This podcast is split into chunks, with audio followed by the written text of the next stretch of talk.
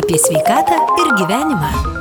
Studijoje prie mikrofono Liudas Ramanauskas, visiems linkime žinoma būti sveikiems, dėja, COVID atveju ir šią savaitę daugėja ir praėjusią parą daugiau kaip 8662, beje, daugėja ir sergančių pacientų ligoninėse. Praėjusią parą tokių buvo 1354. Kokia situacija Stasio Kudirkos ligoninėje, apie tai kalbame su ligoninės direktorius pavaduotoju Dmitrijai Kačiūrin. Labadiena, gerbiamas Dmitrijai. Labadiena. Kokia situacija Stasio Kudirkos ligoninėje šiandien, nes bendras skaičius susirgymų daugėja, bet reanimacijoje esančių skaičius ir visoje šalyje ir nebejoju, kad ir ko gero Stasio Kudirkos ligoninėje mažėja. Tendencija išlieka ligoninėse ta pati. Dabar pacientų skaičius yra gan stabilus ir savaitė arba dvi savaitės laikosi apie 40 pacientų skyriuose ir 2-3 pacientai reanimacijų skyriuje. Tai šiai minutį yra 42 pacientai skyriui ir 2 pacientai intensyvios terapijos skyriuje.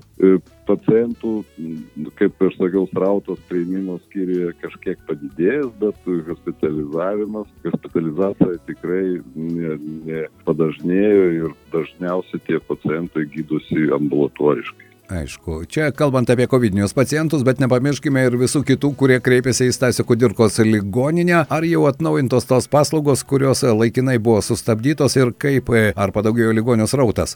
Chirurgijos buvo sustabdytos chirurgijos ir ortopedijos traumatologijos planinės paslaugos. Šiuo metu jos atnaujintos, aišku, netokių intensyvumų kaip buvo, vis dėlto du skyriai yra viename ir lovų skaičius yra pakankamai ribotas. Kas liečia kitų tų srautų jisai išlieka panašus, kaip buvo ir iki pandemijos, kaip buvo jo po pirmos, antros bangos, apie šimtą pacientų per parą priimimo skyriuje. Didelė įtampa ir tikrai didelis darbo krūvis yra vidaus lygų gydytojams, todėl kad lovų skaičius yra 40, o poreikis yra žymiai didesnis padeda mūsų kaimynai, variniškiai, lazdiečiai, dėja savaitė buvo sustabdė vidaus lygų paslaugų teikimą dėl personalo didelių skaičių susirgusių.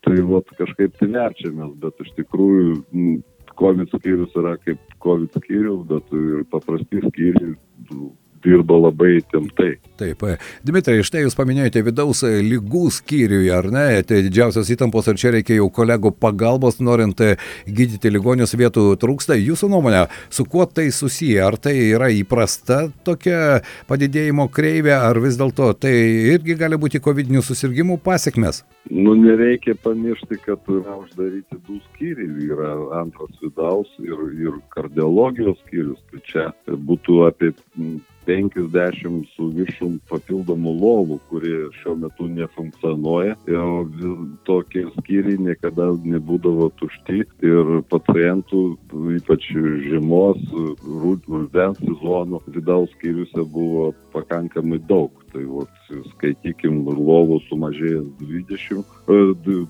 per pusę, o srautas išliko toks pat ir reikal, reikalingų hospitalizacijų skaičius irgi išlieka panašus. Tai vat kaimynų pagalbos tikrai neapsėtų tiesiog fiziškai. Taip, aš Kaž... puikiai suprantu. Atsiprašau, kažkokiu papildomu lovu atidaryti negalim, nors ir e, stovi, kaip sakyt, ir tie skyriai nu, beveik ir tušti, todėl kad nėra personalo. Nėra kam dirbti, ar, o kodėl personalo nėra, ar jie užsiemė dabar ir COVID skyriui, ar vis dėlto ir... Taip, taip, taip, jie dirba COVID-19 skyriuose, reikalingi dvigubi resursai, kad aptarnautų COVID skyrių. Taip, be jokios abejonės, aš puikiai suprantu, ten irgi darbas yra labai intensyvus. Na, dabar po truputį jau kalbama galimybių paso atsisakymas vyriausybė jau trečiadienį svarstys šį klausimą. Jūsų nuomonė, kaip daktaro šį kartą jau, ar iš tikrųjų dabar jau pats laikas atsisakyti ir galbūt naudoti tas kitas apsaugos priemonės, tai yra respiratorius renginiuose, kaukės, nepamiršti plauti rankų, na ir be COVID juk yra ir visi kiti sezoniniai susirgymai, tame tarpe ir įvairios peršalimo lygos. Nu, tai ką jūs paminėjote, tai ko gero čia dabar yra kiekvienam reikia jausti atsakingam prieš savo artimą žmogų ir naudoti tos apsaugos priemonės, kaukė, respiratoriai, laikytis distancijos, o galimybių pasas, nu, jisai tikrai tampa beprasmiškas. Tai, ma, tai to, tokia mano nuomonė. Čia aš su jumis galėčiau ir sutikti, na ir žinoma, pokalbio pabaigoje aš puikiai suprantu, kad esate užimtas žmogus. Norėčiau pasiteirauti, ar daug Stasio Kudirkos ligoninėje medicinos personalo gydytojų, seselių, pagalbininkų serga? E, šiai dienai serga 24 žmonės. Nu, skaitykim, didžiausia, aišku, dauguma jų tai yra medicinos darbuotojai, gydytojai ir slaugytojai, slaugytojai padėjėjai. E, bet tas skaičius, ačiū Dievui, nedidėjo. Ir nu, buvo vienas toks, kaip pasakyčiau, pikas 34 žmonės. Ir vienu metu dabar tas skaičius mažėjantis. Nu ir keičiasi, kaip pasakyti, pamainos. Vieni pasveiksta, kiti susirga, išeina. Tai ta kaž, kažkokios tai įtakos, kad paslaugom teikti tikrai tie susirgymai, toks skaičius tikrai neturi. Aišku, nes ligonė apie tūkstantis darbuotojų, beveik tūkstantis darbuotojų, ar ne, jeigu aš neklystu? Apie 900. Taip. Na ir paskutinis mano klausimas, Dmitri Kečiūrinai, dar vienas, tai yra e, Omikrono atmaina, na, jį vyrauja jau visame pasaulyje, bet matome, kad e, sunkių ligonių skaičius, ypatingai tie, kurie patenka į reanimaciją, nors mirčių skaičius nemažėja, štai ir praėjusią parą tokių buvo 12, bet vis dėlto reanimacijoje lovų yra laisvų ir Stasio Kudirkos ligonėje ir kitose ligonėse per parą, man rodos, dabar 79 visoje šalyje. Ar tai reiškia, jog vis dėlto anksčiau ar vėliau, na, ta banga baigsis, iš pandemijos pereisime į epidemiją ir gyvenimas po truputį sugrįš į įprastus rėmus? Nu, Omikronas parodė, kad susirgymų skaičius yra žymiai didesnis negu buvo iki šiol, bet hospitalizacijų skaičius yra tikrai nepalyginamai mažesnis. Kiek aš kelias kartus bandžiau e, atkreipdėmėsi, kad reanimacija, e, nors ir COVID-19 reanimacija, taigi vis dėlto pakliūna žmonės tai su, kit, su kitais susirgymais.